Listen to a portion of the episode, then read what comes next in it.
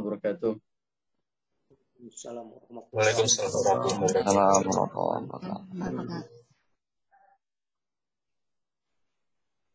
Bismillah, alhamdulillah. Alhamdulillahilladzi amarna al-ihtisama bihablillahi matin. Salatu wassalamu ala sayyidil mursalin.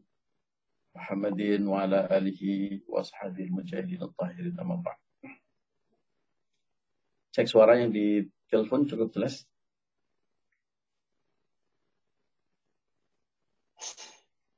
Cek yang di telepon, suara saya jelas. Jelas, ya? Nggak keluar. Oh ya Allah. Masih di mute. Cek. Suara jelas ya yang di telepon ya. Baik. بسم الله الحمد لله الحمد لله الذي فضل بني آدم بالعلم والكلام. والصلاة والسلام على سيد الأنام محمد وعلى آله وأصحابه وأصحاب الذي نور ظلم أما بعد. سبحانك لا علم لنا إلا ما علمتنا إنك أنت العليم الحكيم. رب اشرح لي صدري ويسر لي أمري واحلل عقدة من لساني يفقهوا قولي. Ya arhamar rahimin. Allahumma anta rabbi la ilaha illa anta khalaqtani wa ana 'abduka wa ana kama istata'tu a'udzu bika min syarri ma sana'tu abu'u laka bi ni'matika 'alayya wa abu'u bi dhanbi faghfir li fa innahu la yaghfiru dhunuba illa anta. Teman-teman yang dimuliakan Allah, Alhamdulillah pagi hari ini kita bisa ketemu lagi ngaji bersama-sama. Kita ngaji tadabur Al-Quran sudah sampai di surat Abasa. Insya Allah ini di bagian terakhir ya. Hari ini kita sudah selesai di bagian surat Abasa. Kita sampai di ayat 32. Ustaz mau 32. Ya, baik. So, kita sampai di ayat ke-32. Kita akan lanjutkan di ayat 33. Silakan teman-teman uh, yang sudah membuka Al-Quran, surat Abasa ayat ke 33. Kita mulai di 33. Untuk merefresh ingatan kita, haji kita terakhir kemarin hari Jumat, kita kemarin belajar tentang bagaimana manusia diingatkan oleh Allah bahwa waktu kita pendek, tetapi dengan waktu yang pendek itu kita diberi kesempatan yang begitu luas. Sekarang tinggal bagaimana manusia mau mengambil kesempatan itu atau tidak. Kesempatan untuk berbuat baik, kesempatan untuk berladang amal solih, menabung investasi untuk perjalanan akhiratnya yang menjadi tujuan pokok kita semuanya. Oke. Dan digambarkan bagaimana manusia itu bisa mengambil pelajaran-pelajaran dari peristiwa-peristiwa sederhana yang terjadi dalam hidup kita. Dari hal-hal sepele yang mungkin selama ini tidak kita perhatikan. Seperti misalnya makanan. Allah berfirman, "Falyanzuril insan ila ta'ami." Lihatlah wahai manusia kepada makanan kalian. Ya, jadi ini ajakan atau perintah Allah agar setiap saat kita melihat makanan yang ada di sekitar kita bukan untuk dimakan, bukan untuk oh ini berarti perintah untuk kuliner, ya. Tetapi untuk bertafakur.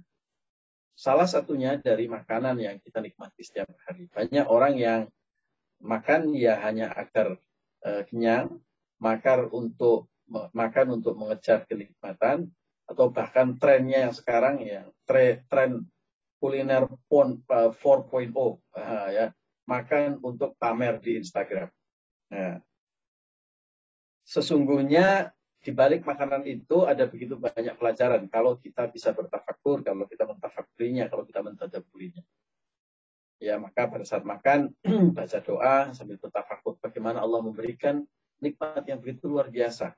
Makanan yang terhidang di depan kita melalui proses yang sangat panjang yang Allah anugerahkan kepada kita semuanya. Mulai dari nikmat hujan yang mengalir sehingga bisa menghidupkan bumi, ya kemudian bumi yang sudah disiram air kemudian bisa diolah, kemudian dari bumi yang sudah bisa diolah itu ditumbuhkan uh, tumbuh-tumbuhan, ya kemudian dari tumbuhan itu keluarlah buah-buahan yang lebat ya itu menunjukkan bagaimana perjalanan makanan yang ada di depan kita penuh dengan ibrah, penuh dengan pelajaran dan penuh dengan kenikmatan Allah. Ya. Semua itu Allah persembahkan untuk kita dan untuk hewan ternak kita. Hewan ternak itu ujung-ujungnya juga nanti akan kembali kepada kita manusia, dinikmati oleh kita manusia. Nah, itu itu uh, terakhir yang kita pelajari kemarin. Kita lanjutkan di ayat 32. A'udzu billahi minasyaitonir rajim. Bismillahirrahmanirrahim. Fa idza ja'atis shakhah Fa idza ketika kemarin kita sudah membahas apa bedanya ketika ketikanya Allah di dalam Al-Quran Iza dengan id. Ya. Kalau ketika atau apabilanya Allah itu pasti terjadi. Ya. Pasti terjadi. Apabila atau ketika ja'atis sohoh. Datang. Ya. Kepada kita semuanya as Suara yang sangat keras yang sangat memekakkan telinga. Ya, suara apakah itu? Itu adalah suara sangkakala yang ditiup oleh malaikat khusus yang ditugaskan oleh Allah untuk meniup sangkakala yaitu Israfil. Ya. Itulah pertanda datangnya masa baru. Kita tahu dulu pernah ada yang bertanya, ya berapa kali sangkakala ditiup? Ya, ulama berbeda pendapat. Ada yang berpendapat dua kali, ada yang berpendapat tiga kali. Ya, yang berpendapat tiga kali, eh, beliau mengatakan bahwa tiupan yang pertama adalah tiupan yang mengagetkan seluruh makhluk. Ya, bukan hanya manusia, tapi seluruh makhluk itu dibuat kaget, gentar, dan sangat luar biasa uh, ini apa namanya ter, tersiksa sehingga tiupan ini sudah membuat keteraturan alam itu macet, sudah berubah.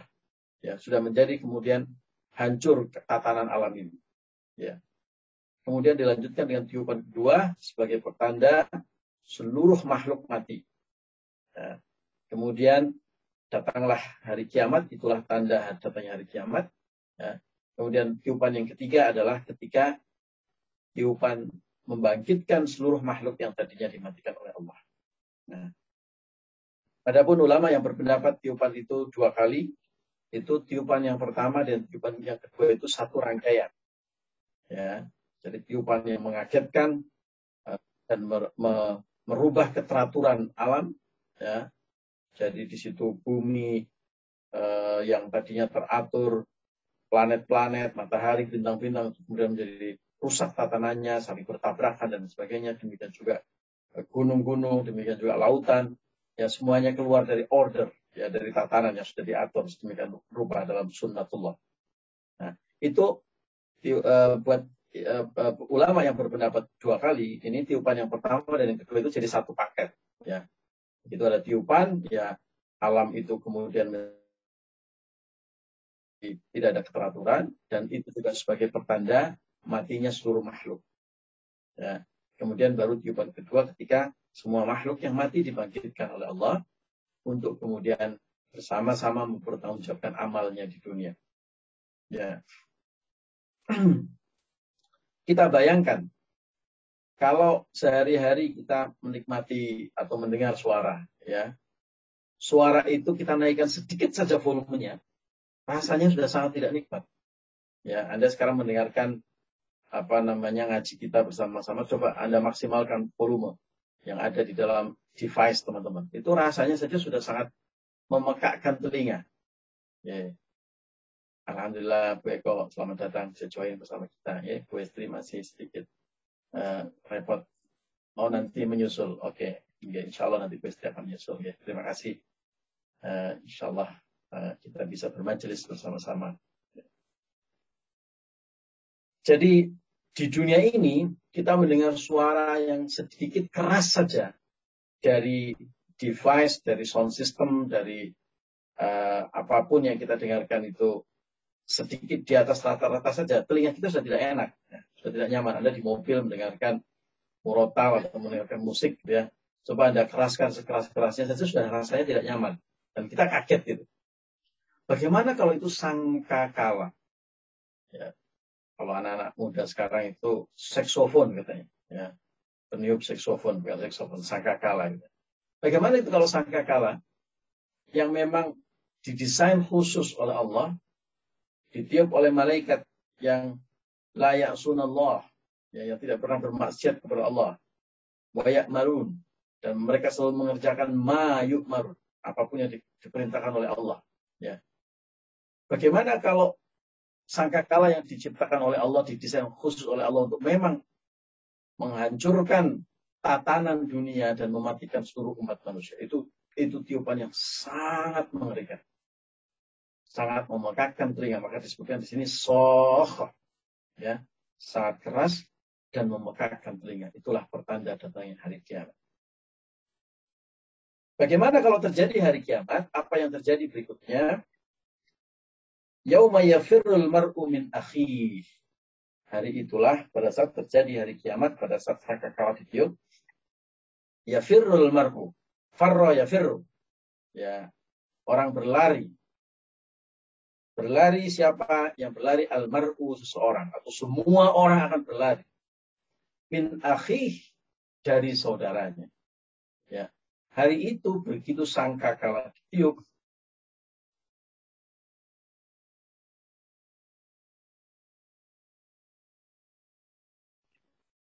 ditiup, maaf. Begitu sangkakala ditiup, terjadi ketidakteraturan, ya, disorder, ya. Maka manusia akan lari dari saudaranya. Kenapa lari? Kenapa dari saudaranya?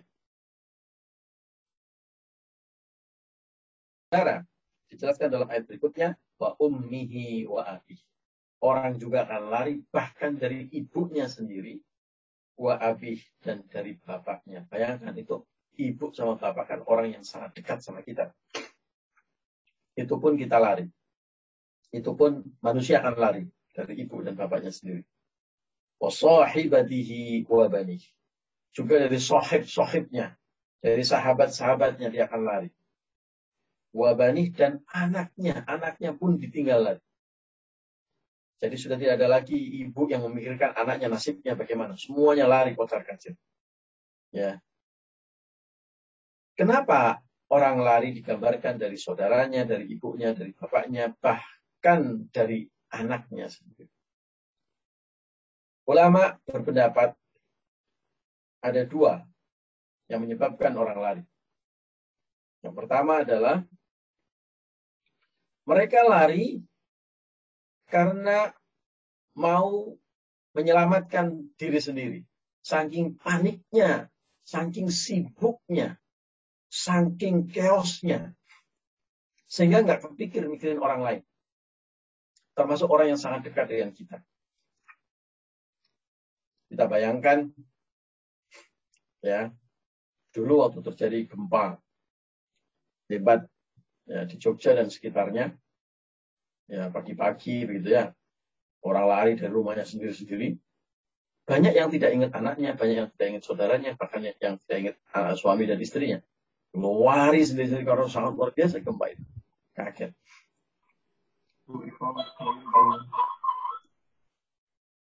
Yeah. Selamat datang Bu Eko, teman sudah bergabung bersama kita. Ya berkah ya. Oke, Pak Lulus. Assalamualaikum. Salam. Rencang-rencang pun Pak Eko sedaya niki ngaos saran-saran. Insyaallah. Alhamdulillah. Nggih. Nggih. Matur nuwun, matur nuwun. Mohon izin kita lanjutkan, Ibu. Monggo. Jadi ketika terjadi sangkakala ditiup sebagai pertanda datangnya hari kiamat, orang lari menyelamatkan diri sendiri. Ya kita bayangkan ketika terjadi tsunami, alhamdulillah ya mudah-mudahan tidak terjadi lagi di eh, kepada kita semuanya. Terjadi gempa, orang lari sendiri-sendiri, nggak sempat mikirin anak, istri, suami, dan orang tuanya. Ya, ada yang dulu saya eh, pernah saya ceritakan Ustadz Ustadz kami dulu, ya ini Ustadznya Pak Aluman, Pak Malik, ya Mbak Uni, Mbak Ami, ya, Dr. Muhammad Taifur. Itu pada saat terjadi gempa, itu secara spontan lari keluar, tapi kemudian di pertengah perjalanan ingat kalau putranya itu masih dalam, balik kembali ke dalam. Ya.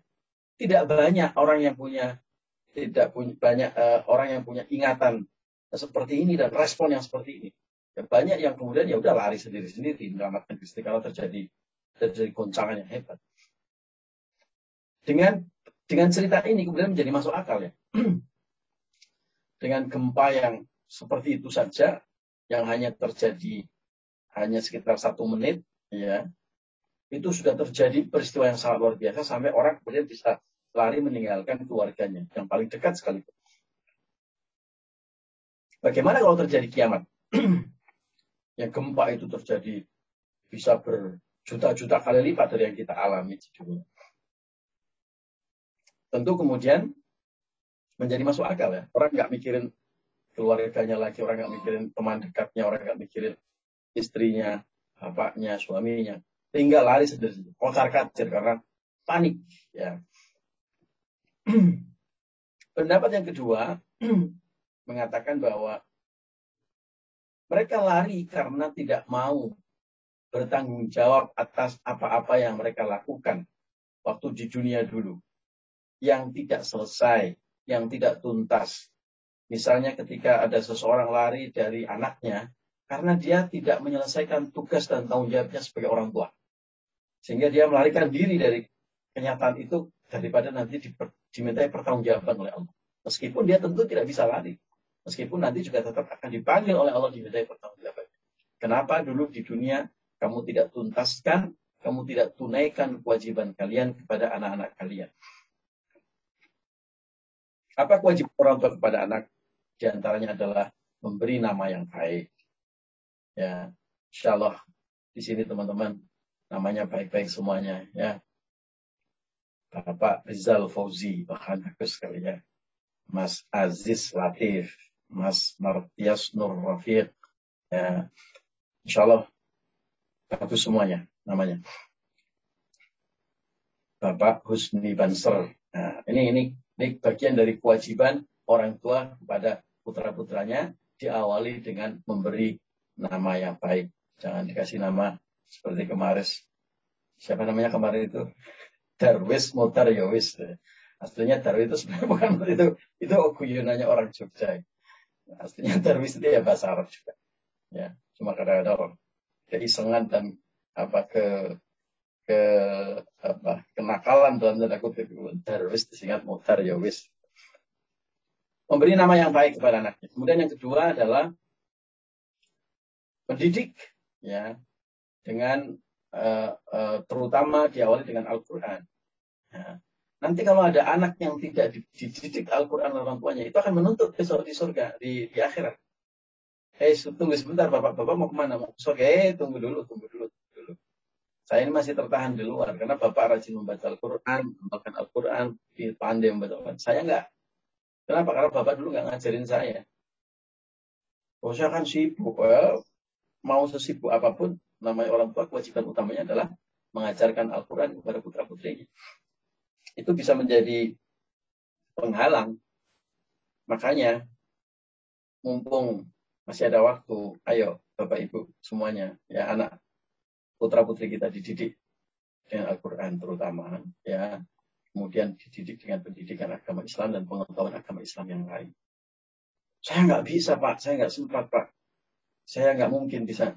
Ya kalau memang tidak sempat, kalau memang tidak bisa, paling tidak kirim anak kita ke pesantren, ke TPA, ya, untuk ngaji, untuk mondok, ya. Intinya adalah make sure memastikan bahwa anak-anak kita bisa belajar Al-Quran. Dimulai tentu dengan membaca. Kemudian juga mendorong anak-anak kita untuk uh, bukan hanya membaca, tapi juga tahu kandungannya dan kemudian mengamalkannya. Itu kewajiban kita orang tua. Ya, nanti kalau tidak dilakukan atau tidak dilaksanakan, nanti akan dipertanggungjawabkan dan dimintai pertanggungjawaban oleh anak-anak. Ya, insya Allah kalau jamaah pengawasan, ya, insya Allah sudah mengarahkan putra-putrinya untuk belajar Al-Quran. Uh, andai masih membutuhkan uh, Ustadz yang ada di Jogja bisa ke pondok pesantren Ar-Rahman Lilbanin dan Lilbanat ya. Atau bisa online ya. Ada Ustadz Khalil ada Ustadz Imam ada Ustadzah Murni ada Ustadzah Fifit ya monggo. Sarang-sarang insyaallah terima kasih Ustadz dan Ustadzah. Ya kemarin teman-teman santri dan Ustadz Ustadzah di uh, pesantren itu menghadiahkan khatmil Quran buat uh, Pak Istri dan keluarga ya. Banat satu Al-Quran alias 30 juz baninnya juga satu Al-Quran 30 juz. Oke. Jazakumullah. Ya terima kasih. Ya buat teman-teman yang ingin belajar Al-Quran mau hubungi ya. Hubungi uh, Ustadz dan Ustadzah tentu tidak harus di Ar-Rahman ya di mana saja kalau kerepotan kalau kesulitan bisa menghubungi Ustadz Ustadzah di Ar-Rahman ya biasanya Pak Cita kalau seperti ini langsung menampilkan nomor teleponnya Ustadz Ustadzah ini kok kelihatannya agak khusyuk ini Pak Cita. yeah.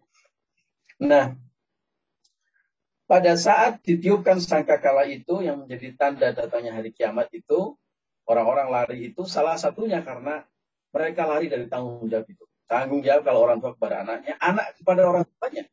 Ya, apa tanggung jawab anak kepada orang tuanya? Berbakti kepada orang tuanya. Ada anak yang tidak berbakti kepada orang tuanya, lari, Ya karena nanti kalau nggak lari nanti diminta pertanggungjawaban oleh orang tua. Dia tahu akan diminta pertanggungjawaban. Eh, le. Ya, dhisik awakmu ning dunia iki so kira karu-karuan jadi pejabat ya jadi orang hebat ya. tapi kemudian durhaka kepada orang tuanya ya orang tuanya tidak pernah disapa orang tuanya tidak pernah diperhatikan bahkan ketika membutuhkan ya nah ini nanti akan diminta pertanggungjawaban sehingga orang kemudian secara secara uh, refleks akan berusaha lari dari itu meskipun tidak akan bisa lari. Termasuk juga akan lari orang-orang dari sahabatnya, dari keluarganya, dari saudaranya. Karena mereka punya tanggung jawab, tanggung jawab yang belum ditunaikan. Ada yang mungkin tanggung jawab secara uh, apa namanya harta benda, misalnya ada hutang piutang. Ya makanya sebelum uh, semuanya uh, datang ajal menjemput ya hutang piutang harus segera diselesaikan ya karena nanti kalau tidak nanti penyelesaiannya di akhirat eman-eman banget ya kita akan menjadi orang yang merugi orang yang bangkrut kata kata kanji nabi ya uh, kanji nabi pernah bersabda eh para sahabatku kalian tahu nggak siapa orang yang bangkrut itu ya orang-orang yang bangkrut adalah orang-orang yang punya amal soli ya amal solehnya tidak seberapa, tapi ketika nanti di hari kiamat amal soleh itu di pahala dari amal soleh itu diambil diberikan kepada orang lain. Kenapa diambil diberikan kepada orang lain? Karena ada tanggung jawab dunia yang belum selesai. Di antaranya adalah apa? Hutang piutang. Amanah yang tidak tersampaikan. Janji yang tidak terbuktikan. Ya, itu itu nanti akan ditagih. Ya, dan dan nagihnya karena sudah selesai semua masa investasi, amal soleh itu ada pahalanya, pahalanya diberikan kepada orang yang dihutangi belum dibayar, ada orang yang harusnya mendapatkan amanah itu tapi kita belum menunaikannya di dunia, ada orang yang kita punya janji belum ditunaikan janjinya, itu semuanya ditagih dengan amal soleh, amal soleh. Orang-orang yang bangkrut itu sampai ketika amal pahala dari amal soleh itu habis karena karena memang gak banyak amal solehnya ya habis diberikan kepada orang itu masih ada lagi datang orang yang, eh dulu kamu punya hutang, belum bayar sama saya. Ya, dulu janjinya cicilannya sampai 10 kali, baru 8 kali sudah macet. Ya. Dulu kamu janji akan begini, begini kamu belum tunaikan janji itu. Diambil lagi, loh sudah nggak ada amal solehnya, sudah nggak ada pahalanya. Maka kemudian dengan sangat terpaksa dan sangat menyedihkan adalah dosa dari orang-orang yang dirugikan di dunia itu diberikan kepada orang yang tadi masih punya hutang dan tidak menunaikan hutangnya. Ya, jadi amalnya sudah diambil, pahala amal solehnya diambil, bahkan dikasih dosa dari orang yang uh, uh, apa namanya uh, uh, janjinya atau hutangnya itu belum belum dibayarkan. Ya, tentu ini bangkrut. Kita sudah tidak ada orang sudah tidak punya waktu lagi untuk investasi dan menanam amal soleh. Ya, maka dari itu orang lari karena nanti tidak diminta pertanggungjawaban. Gitu. Ya, nah ini ini ini tafsir yang kedua dan saya kira ini bisa saling melengkapi seperti biasa. Ya, di tanwe saling melengkapi antara tafsir yang pertama dan tafsir yang kedua. Tapi pada intinya ketika datang hari kiamat orang lari, ya bahkan dari orang-orang terdekatnya sibuk membuat pertanggungjawaban sendiri-sendiri, pertanggungjawaban amal sendiri-sendiri. Kemudian dijelaskan di ayat ke-38, mereka lari seperti itu karena apa? Minhum yawma idzin sya'nu yughni. Karena bagi setiap orang ya dari mereka itu dari manusia-manusia yang menyaksikan datangnya hari kiamat itu pada hari itu sya'nu yughni ada urusan maha besar yang sangat menyibukkan mereka. Nah, ini tadi penjelasannya. Ya, sudah dijelaskan dengan sangat gamblang karena semua orang punya urusan yang sangat ah, apa itu urusannya? Urusan pertanggungjawaban amal. Ya, uh, kamu dulu diberi harta, hartamu untuk apa dan dari mana kamu dapatkan? Ya, kamu diberi nikmat mata, kamu apakan nikmat itu untuk melihat apa? Ya, kamu diberi nikmat lisan, ya, kamu apakan itu bibir dan lisan kamu selama di dunia? Ya, karena sibuk sendiri-sendiri, karena punya urusan yang maha besar, akhirnya lari, bahkan dari orang-orang yang dekat dengan kita. Yauma idin musfirah. Kemudian digambarkan bagaimana situasinya setelah datang hari kiamat. Ada wajah-wajah di hari itu, ada wajah-wajah yang berseri-seri. Senang, bahagia. Siapakah mereka? Tentu saja adalah calon penghuni surga. Bahkan bukan hanya berseri-seri, dhahikatum mustabashirah Bukan hanya berseri-seri, bahkan mereka dohik. Dohik itu tertawa lebar, terbahak-bahak. Ya karena bahagia. Dan mustabasyirah. Wajahnya itu betul-betul bergembira riang. Ya, riang gembira. Kita gambarkan atau kita bayangkan seperti orang yang datang hari sudah, hari itu setelah bertahun-tahun dia bergelut dengan mata pelajaran yang rumit dan berat, ya. Kemudian hari itu dia telah dinyatakan lulus, wisuda, ya menjadi wisudawan terbaik dan bahkan sudah langsung dilamar oleh banyak perusahaan-perusahaan ngetop, gitu ya.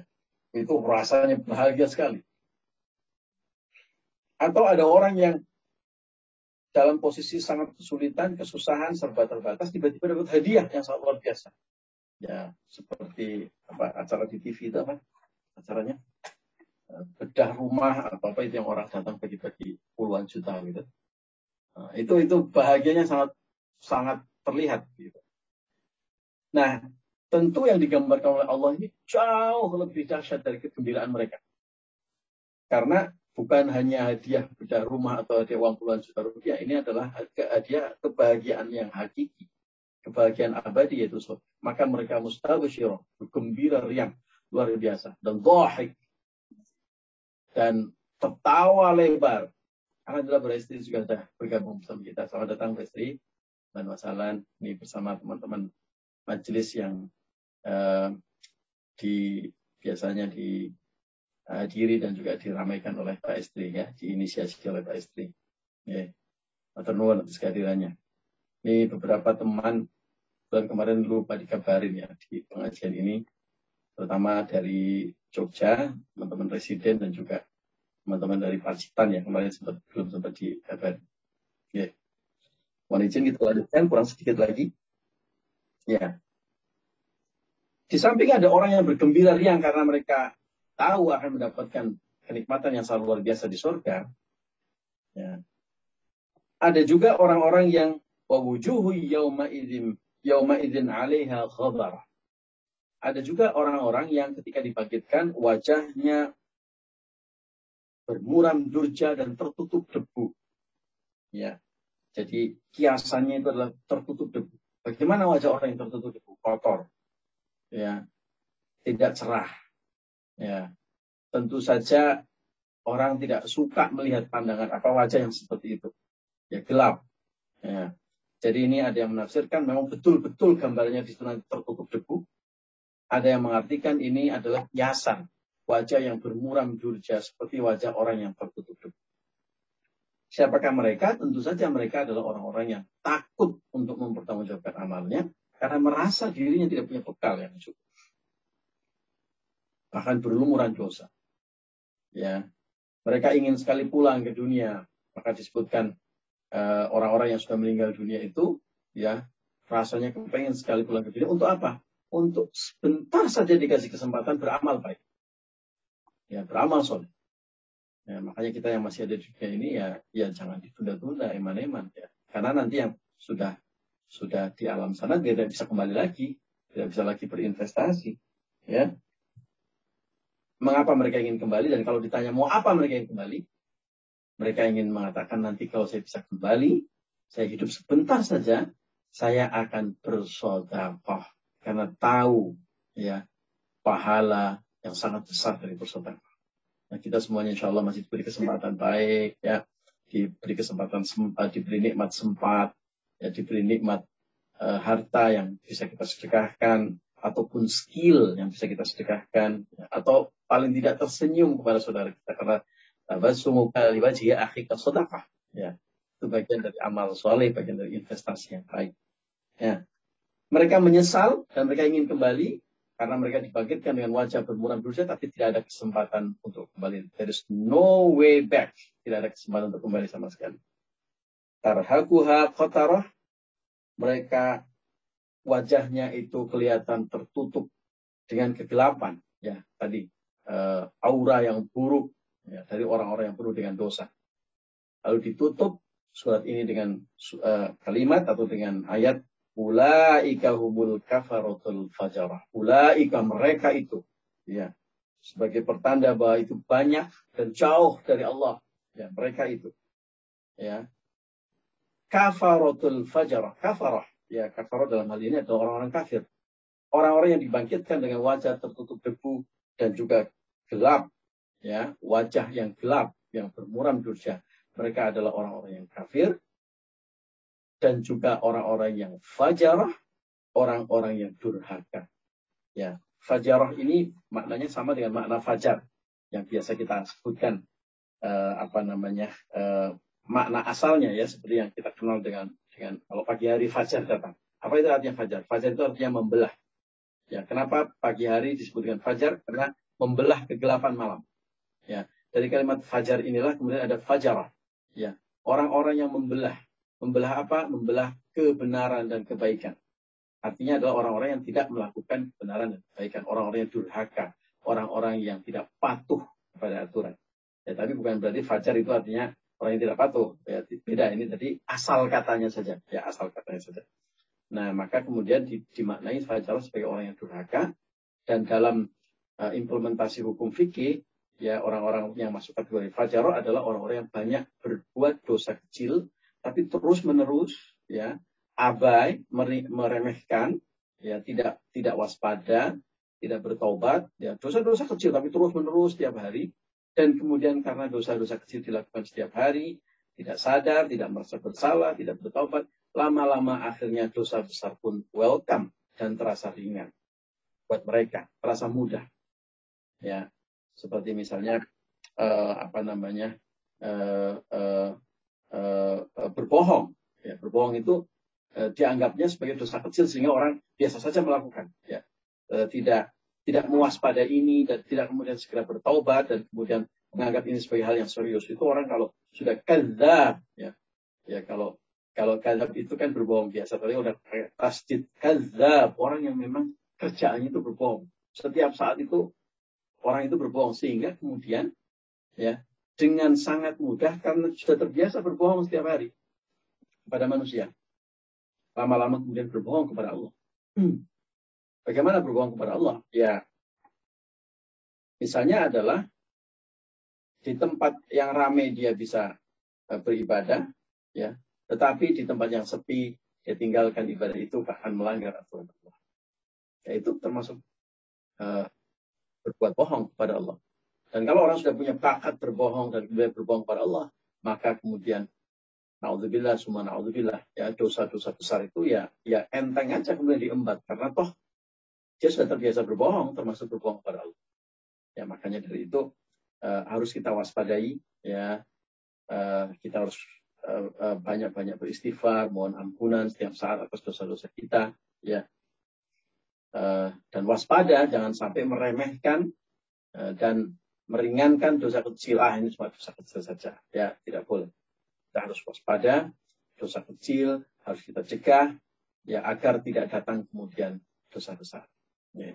demikian orang-orang yang kafir orang-orang yang fajarah yang yang orang-orang yang durhaka yang karena terbiasa melakukan dosa kecil diulang-ulang lama-lama bisa menjadi melakukan dosa besar. Itulah orang-orang yang celaka yang akan dibangkitkan dengan wajah yang muram gelap ya dan penuh dengan debu Demikian Bapak Ibu dan teman-teman sekalian yang kita pagi hari ini. Terima kasih untuk bersamanya. Saya pamit dengan teman yang ada di Facebook. Allahul muwaffiq ila. Al'afu minkum. Wassalamualaikum warahmatullahi wabarakatuh. Buat teman-teman yang ada di jalur telepon.